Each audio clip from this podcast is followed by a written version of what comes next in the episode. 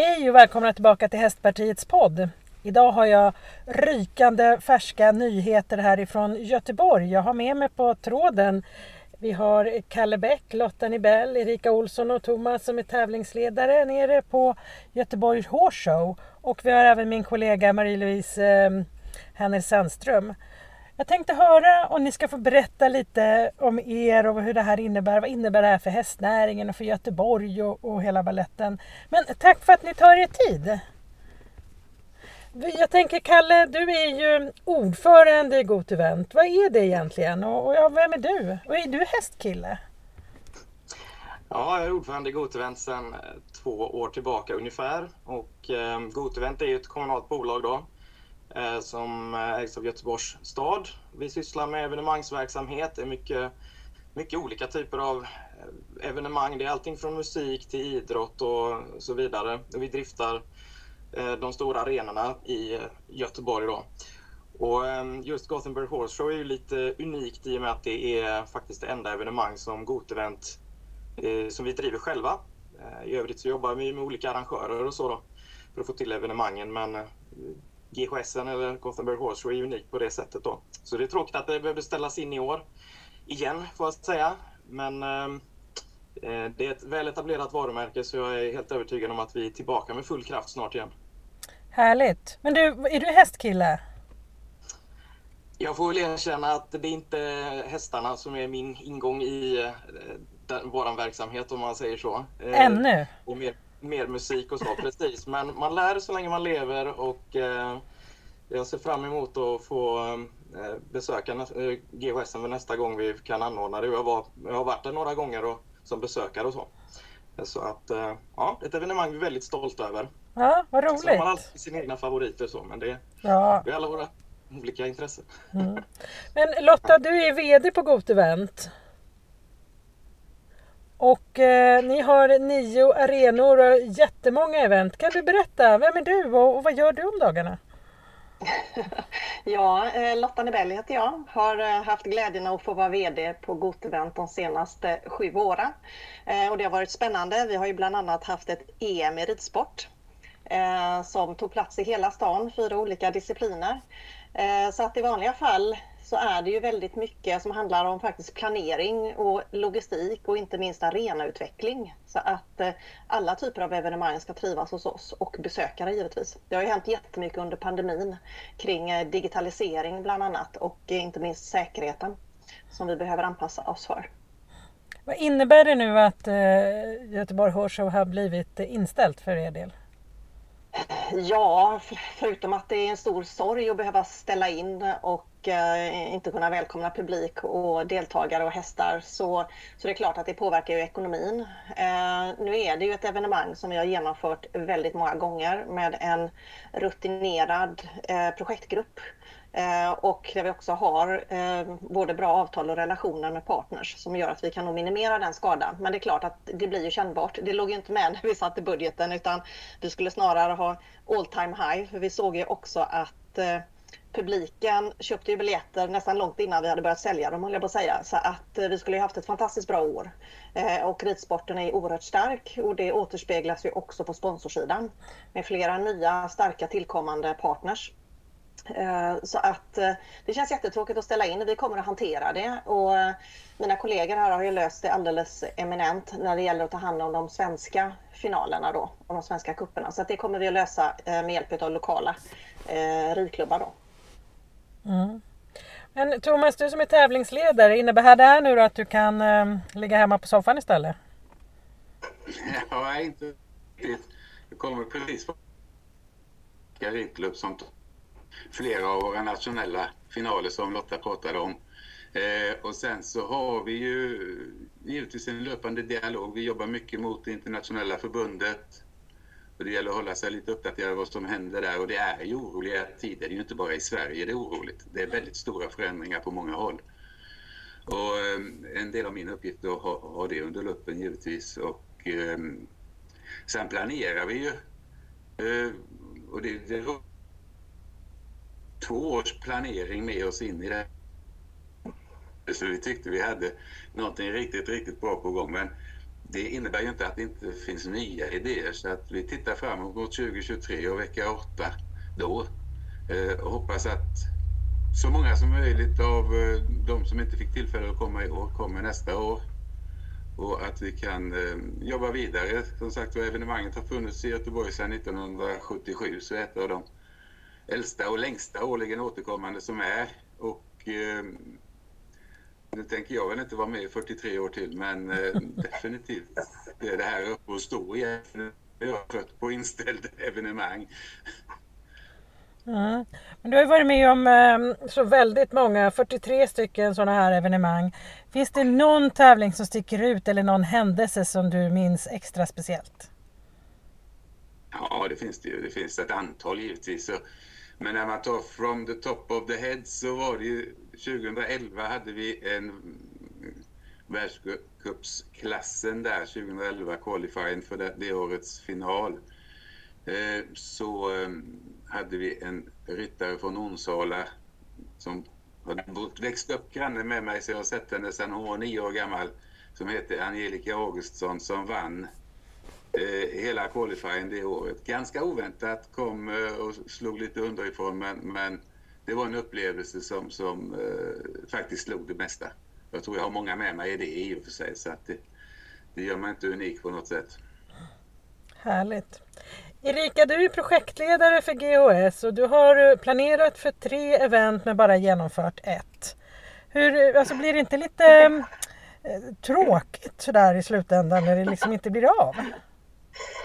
Ja, men det är klart att jobbar man eh, inom eh, evenemangsindustrin så, så är det ju en fantastisk känsla det här att efter allt planerande få vara med och uppleva evenemanget och genomföra det och, och känna den här stämningen i arenan och se ryttarna rida in på sanden. Det är på något sätt det vi lever för.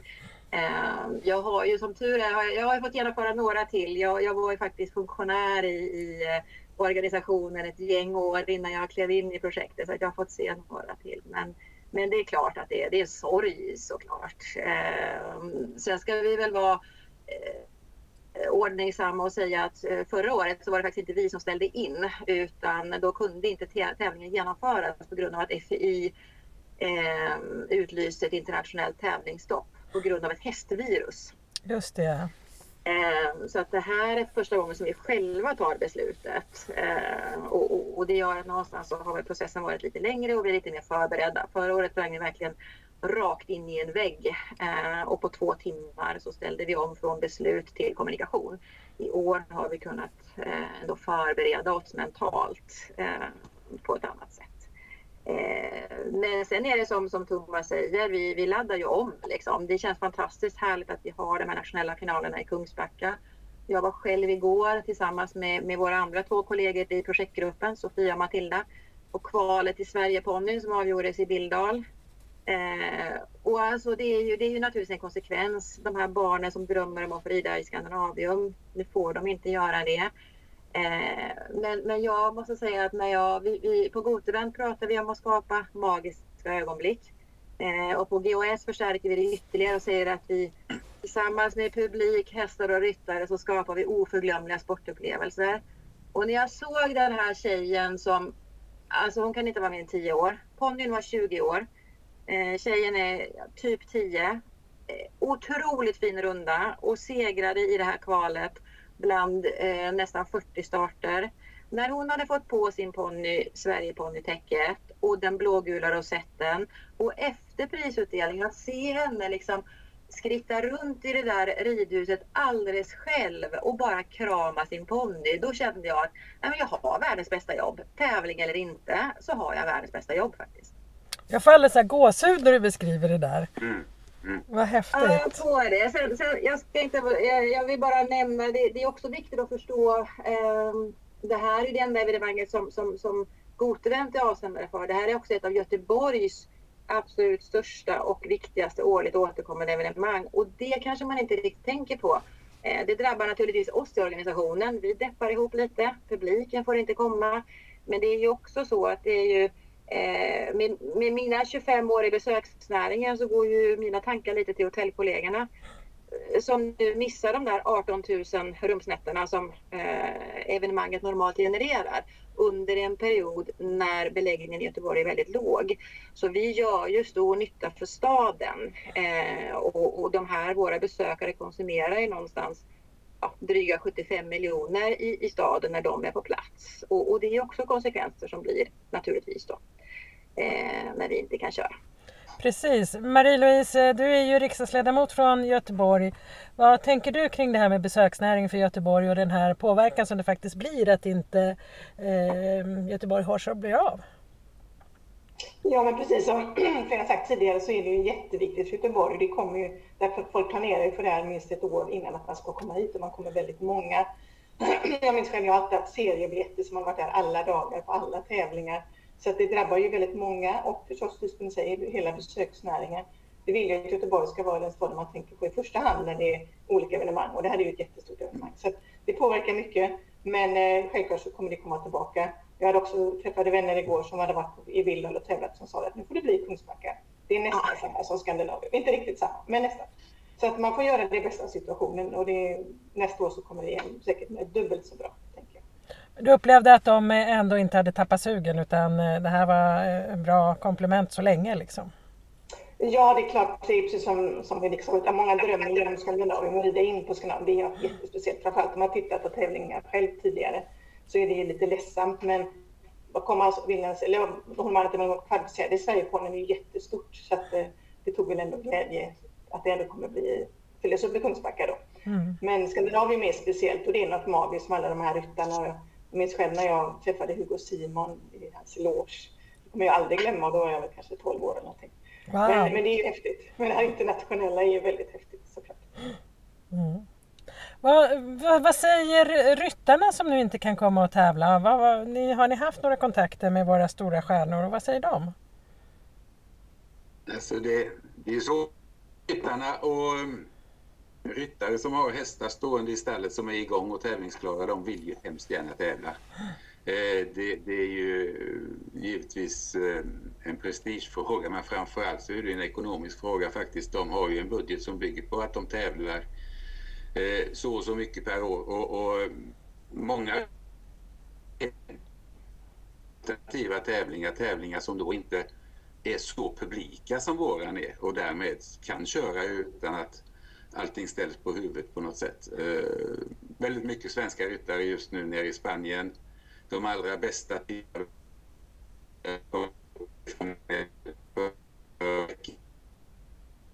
Jag hör dig lite dåligt Thomas. Ska du prova att stänga alltså, av eh, kameran så kanske vi hör dig bättre på...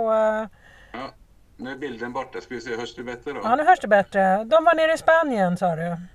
Ja, många ryttare är ju nere i Spanien nu. De allra bästa tittar ju på de femstjärniga tävlingarna som kommer upp i Doha eh, framöver och det är ett antal ryttare i Wellington och tävlar. Så att eh, det har ju varit väldigt mycket en fråga för många. Vi brukar ju ha ungefär 12 svenska ryttare med det internationella, 12 till 15 stycken. Mycket en fråga om att ställa om. Sen är det ju givetvis så för världskuppen att möjligheten till att kvalificera sig till finalen som går i Leipzig i början på april begränsas ju. Det är bra för några. Du pratade lite om Jens Fredriksson förut och han är ju faktiskt kvalad till finalen nu i och med att det inte är några fler kvalförsök så vet vi ju redan nu att hans poäng räcker. Men vi har ju också vi har haft kontakt med väldigt många ryttare som hade hoppats på att komma till Göteborg och samla några poäng till för att ta sig in i finalen. Och de eh, de får ju inte den chansen nu. Då. Så att det kommer bli en final, men startfältet hade kanske sett lite annorlunda ut om man hade kunnat köra då de här världscupstävlingarna efter jul. Och det är ju både Mechelen, eh, Basel, Amsterdam, Bordeaux och Göteborg som har fått ställa in av, av exakt samma orsak. Då. Så att, eh, ja, det, det, gäller att vara kreativ och kreativiteten bestod nog mest i att man lastar lastbilen och åkte till Spanien. Eller Portugal. ja, spännande. Lotta, du som är VD och har liksom ansvaret för inte bara hästevent utan så väldigt många fler event. Upplever du att det är någon skillnad i vilken sport man håller på med för att planera eller kulturevenemang? Eller så? Är det något som är lättare eller svårare? Eh, oj, eh, jag ska säga att allt har ju lite sin utmaning och eh, tjusning. Sen är det ju klart att vi har ju många hemmalag där vi får en möjlighet att göra väldigt många matcher exempelvis i fotboll och hockey och det är klart, då bygger du ju en rutin. Eh, och lite som vi har varit inne på när vi har Gothenburg Horse Show så är det ju många års erfarenhet där vi hela tiden försöker spänna bågen till, till nästa gång. Eh, men däremot så har du en, ska jag säga, ja, när vi hade The Claw och Youtube på Ullevi exempelvis eller de stora hårdrockskonserterna med speciella scener och så vidare. Det kräver ju lite extra och då är det fler dagar i riggning och fler dagar i återställnad också. Eh, men tittar du på Gothenburg Horse Show så kan vi ju köra en ja, musikshow på fredag, hockey på lördag. Sen kommer sanden in söndag. Första hästen går in på tisdag och tävlar till på söndagen då och sen är det hockey på tisdagen igen. Så att det är lite det vi lever på, att kunna ställa om snabbt också. Men hur många är det som jobbar då hos er för att kunna råda om allt det här? Mm, vi har ju nio arenor totalt, men en av de arenorna är ju Vallhallabadet med väldigt eh, eh omfattande verksamhet, eh, öppet mer eller mindre eh, tidig morgon till sen kväll alla dagar i veckan. Eh, och sen har vi mycket breddidrott på anläggningen också då, eller några av dem. Eh, vi är totalt 130 personer och sen jobbar vi extremt mycket då med timanställda som kommer in och när det gäller Gothenburg Horse Show så har vi 300 fenomenalt duktiga dedikerade eh, kollegor då som kommer varje år som funktionärer. Så att, eh, men det, det beror ju lite på. Har vi en stor konsert på Ullevi då har vi kanske 200 personer igång. Är det en eh, mindre fotbollsmatch då kanske det är 30-40. Ser lite olika ut. Vad är det absolut svåraste med ditt jobb? Gräs, skulle jag vilja säga. det trodde jag aldrig jag skulle svara. Jag trodde aldrig jag skulle läsa sporttabellerna heller faktiskt med den inlevelse som jag gör. Men, men gräs, väder och vind eh, kan vara en stor utmaning eh, faktiskt. Men eh, jag säger lite som mina kollegor här, vi har ju ett fantastiskt roligt jobb och man lär sig något nytt varje dag. Så att eh, även det här med gräs kan vara fascinerande. Vi har kollegor som är extremt duktiga på det. Gud vilken tur så man inte behöver vara bäst på gräs också liksom. Eh, men Erika, i ditt jobb då som projektledare, vad är det absolut svåraste där tycker du? Nej men det här, det är väl mer att det omvärlden har ju varit svår eh, naturligtvis. Eh, det har varit svårt att, Eh, att förutse eh, hur vi skulle planera Alltså, vi, vi är en fantastisk projektgrupp. Det finns otroligt mycket erfarenhet. Eh, vi känner oss väldigt trygga. Eh, som Thomas var inne på, vi, vi, vi tar hela tiden fram nya initiativ. Eh, vi har tagit tog fram mycket nya initiativ till, till 21 och, och ännu fler till 22 och det är väl det som är det frustrerande. jag, jag gjorde en presentation för styrgruppen och då la jag in en bild på den här matadoren från Ferdinand. eh, liksom lite så här frustrerad, vi får inte riktigt visa allt vi kan. Eh, det är väl det och då gäller det ju att vi nu när vi inte får visa allt vi kan att vi på något sätt kan eh, alltså hålla glöden uppe eh, hos oss själva. Ja, vi har ju nya saker att ta tag i men vi har ju också då våra 300 funktionärer som alla var supertaggade på att få genomföra evenemanget. Vi har, de leds av är de 18 gruppledare eh, som gör ett otroligt arbete och i praktiken är det ju de som genomför tävlingen. Vi förbereder ju. Eh, sen kommer ju de in och genomför. Och, och, och, det gäller ju att vi tar hand om dem nu på ett bra sätt eh, så att de inte, eh, alltså både håller kunskapsnivån intakt för att det händer ju faktiskt saker på, på hästtävlingsfronten. Eh, och när vi kommer dit 23 då är det två år sedan vi gjorde evenemanget. Eh, så vi har lite eh, aktiviteter på gång här under våren för att hålla både eh, projektgrupp och funktionärer och gruppledare och till viss del även leverantörer och samarbetspartners igång liksom, så att vi inte tappar, tappar tempo. Mm. Nu är vi ju inne i pandemin även om man hoppas och tror att man ska se någon lösning här framöver så att det faktiskt ska gå att få till bättre. Men det finns ju många typer av sporter och, och eh, bestämmelser och riktlinjer. Och jag tänker, Kalle, du som är liksom högst ansvarig i, i styrelsen för den här. Om du hade fått bestämma coronarestriktionerna, skulle de ha sett annorlunda ut då eh, i din mening? Ja, alltså jag tror så här, man, vi lär oss någonting av allt och det här var en väldigt ny situation. som vi hamnade i för snart två år sedan då. Eh, och hela samhället var ju var inte förberett för detta. Eh, det gäller egentligen alla sfärer oavsett om det handlar om äldreomsorg eller om det handlar om evenemang och så vidare. Så vi måste lära oss och bli bättre på att hantera den här typen av situationer. Eh, och får bara vi tydliga riktlinjer eh, som evenemangsbolag eh, med lite bättre framförhållning också, eh, efterlyste jag. Så jag är helt övertygad om att vi kan ordna evenemang på ett säkert sätt för att det är tyvärr så att eh, det här kanske inte är sista pandemin. Ehm, jag hör forskare säga att vi kanske får vänja oss vid att liknande saker, förhoppningsvis inte lika omfattande, men eh, kommer att ske. Kanske inte då och då, men att det, vi, vi, måste i alla fall ha det i åtanke och vara förberedda på att det kan ske. Ehm, och då, eh, då måste vi ha en organisation som, eh, som kan hantera det och det är jag övertygad om att vi som vi, vi i Gotevent kan ordna om eh, vi bara får tydliga riktlinjer. Så att, eh, lite mer förberedelse och mer, eh, framförallt mer framförhållning skulle jag efterlysa så att vi kan hantera det på ett bättre sätt nästa gång. Det finns ju en del olika mm, Eh, sportförbund eh, som har hört av sig till RF och även till oss i riksdagen och liknande där man tycker att alla kan inte riktigt behandlas lika för att sporterna ser så olika ut. Ser ni att ni skulle kunna haft eh, mer differentierade evenemang beroende på vilken typ av evenemang? Att ni hade kunnat mm, gjort lite olika beroende på hur man skulle ha trängsel? Vad säger du Lotta? Jo, nej, men jag säger som Kalle, alltså det, det har ju varit väldigt, väldigt svårt att planera givetvis. Så vi har ju suttit och eh, trott att vi skulle kunna genomföra det, det är över om tre månader. Så att jag, jag har full respekt för att det har varit svårt att hantera eh, nationellt. Men dialogen hade kunnat vara bättre och inte minst att man hörsammar att vi är ju en bransch, eh, både som arenor men också evenemangsbransch, som lever på logistik och säkerhet. Vi är ju vana att hantera alla typer av frågor. Eh, och där hade jag gärna sett att vi har haft en dialog tidigare och inte bara one size fits all. För att vi har ju arenor, vi har nio arenor, eh, några utomhus, några inomhus, men vi har en publikkapacitet ifrån 500 upp till 75 000. Och det sägs ju självt att lägger man då taket på 500 så blir det ju väldigt märkligt på, på eh, Ullevi exempelvis. Va? Så att jag hade gärna sett att vi hade haft lite, ett lite mer dynamiskt eh, tänk, eh, en tätare dialog. Det som har varit väldigt positivt är att jag har fått väldigt mycket fler branschkollegor för vi har startat ett eh, informellt branschnätverk som har träffats varje tisdag digitalt just för att lyfta detta men också gemensamt då uppvaktat eh, olika Eh, politiska företrädare för att föra in kunskapen helt enkelt om vad det är vi gör och vad vi kan bidra med.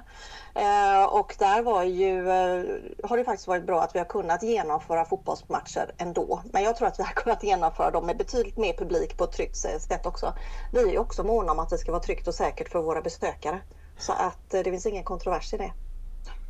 Och där får jag bara komplettera och säga att eh, om man ska se någonting positivt med detta så har eh, pandemin verkligen visat att vi är en snabbfotad organisation som kan ställa om fort och hantera nya situationer om vi bara får eh, rimliga planeringshorisonter så att säga. Så att återigen, det är väl det man kan efterlysa till nästa gång. Men mm.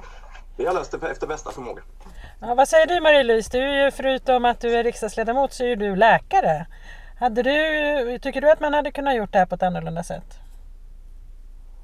Ja, jag instämmer egentligen med flera tidigare att man måste titta på individuella lösningar. Och jag träffar ju väldigt många i Göteborg som har verksamheter som säger just att man är, man är duktig på det här med att se risker och se olika möjligheter. Om man tänker som Skandinavien som har många olika utgångar och så, där, så skulle man kunna lösa på ett helt annat sätt. Och som läkare så tycker jag att eh, självklart så går man inte om man är sjuk. Och vaccinpass tycker jag också är väldigt viktigt att kunna använda sig mer av. För det är också hälsa att kunna göra använder sig av kultur, gå på evenemang och så vidare. Så det är också jätteviktigt för hälsan att faktiskt komma ut. Många mår ju faktiskt psykiskt dåligt av att man inte träffar folk och inte gör det man önskar att göra. Så jag tycker också att eh, eller man ska se individuella lösningar och, eh, och inte bara och hitta snabba lösningar som man tror att det kommer lösa. Utan framförhållning är ju också viktigt att kunna ställa om snabbt. Mm. Så det finns mycket vi kan göra på annat sätt tycker jag. Mm. Spännande. Vi får ju verkligen hoppas att det här blir av nästa år. Då. Jag tänker Thomas och Erika, kan ni ge någon sneak peek? Blir det några liksom nya nyheter till nästa år då som man kan se fram emot? Säger du Thomas? Ja. Vi har ju en, en del i att vi har ju sålt väldigt mycket biljetter eh, redan till i år och vi ger ju biljettköparna valmöjlighet att själva välja om de vill låta sina biljetter ligga kvar till nästa föreställning Eh, 2023 eller om man vill få sina pengar tillbaka. Så det är klart att någon form av grundprogram behöver vi hålla kvar för man har liksom köpt biljetterna till det grundprogrammet. Men, men Thomas har många nyheter på sin lyra, eller hur Thomas? Ja, alltså det är, det är ju... Gothenburg Horse Show är ett evenemang med historik och där, där gäller ju att hitta balansen mellan att folk förväntar sig och känna igen sig till en viss grad. Eh, och ändå så ska det kännas nytt och fräscht och det är ju egentligen det vi jobbar med hela tiden vad det gäller pro programläggning och så. Jag tror att eh, vi har hittat ett ganska bra basprogram som är ganska nytt, det är bara ett par år gammalt. Eh, och det kommer vi nog hålla fast vid. Sen är det ju väldigt många som vill komma in och göra sin grej på Skandinavium så det, att det där är ju någonting vi sållar i hela tiden. Jag kan nog inte ge någon konkret sneak peek idag. Jo, eh, skvallra liksom, lite! Det vore liksom att spoila saker och ting. Men, men, men det är helt säkert att alla vi som jobbar med det vill att Göteborg Horse Show ska innehålla överraskningar och att det ska vara nytt och fräscht varje gång man kommer.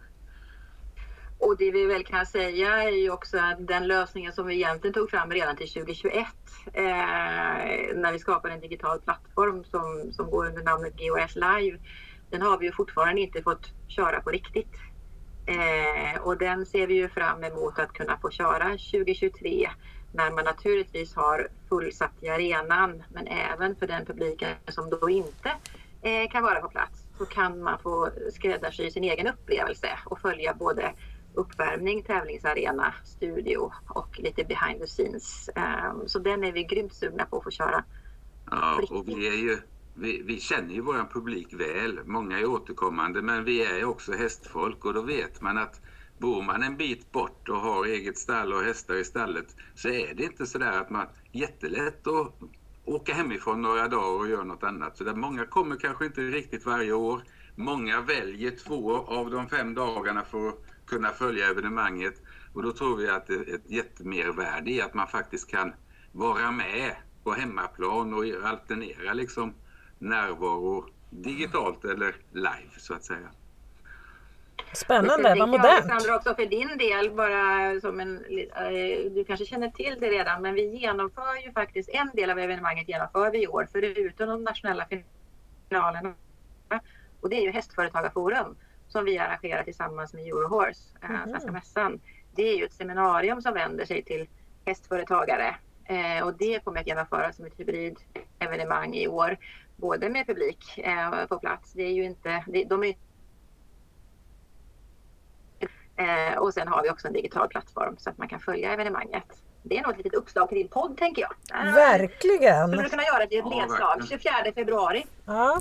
Det antecknar jag så får vi prata vidare om det. Vad spännande. Det var kul att det ändå är någonting som eh, går att genomföra hybrid. Tänker, vi har nog lärt oss en hel del under den här pandemin att det går att göra saker på annorlunda sätt. Som man kanske inte hann med eller drog sig för tidigare. Men eh, det är kul att det blir och jag ser verkligen fram emot nästa år. Då. Jag har faktiskt aldrig varit på Göteborg Horse så att det får bli premiär nästa år. Ja, absolut. Välkommen! Ja, hörni, stort tack för att ni tog er tid. Ehm, så får vi eh, hålla tummarna för att det går bra till nästa år och så får vi hålla i oss då och vara nyfikna eftersom ni inte ville skvallra några hemlisar. Eh, och till er som lyssnar på podden, nästa vecka kommer såklart ett nytt spännande avsnitt av Hästpartiets podd. Tack!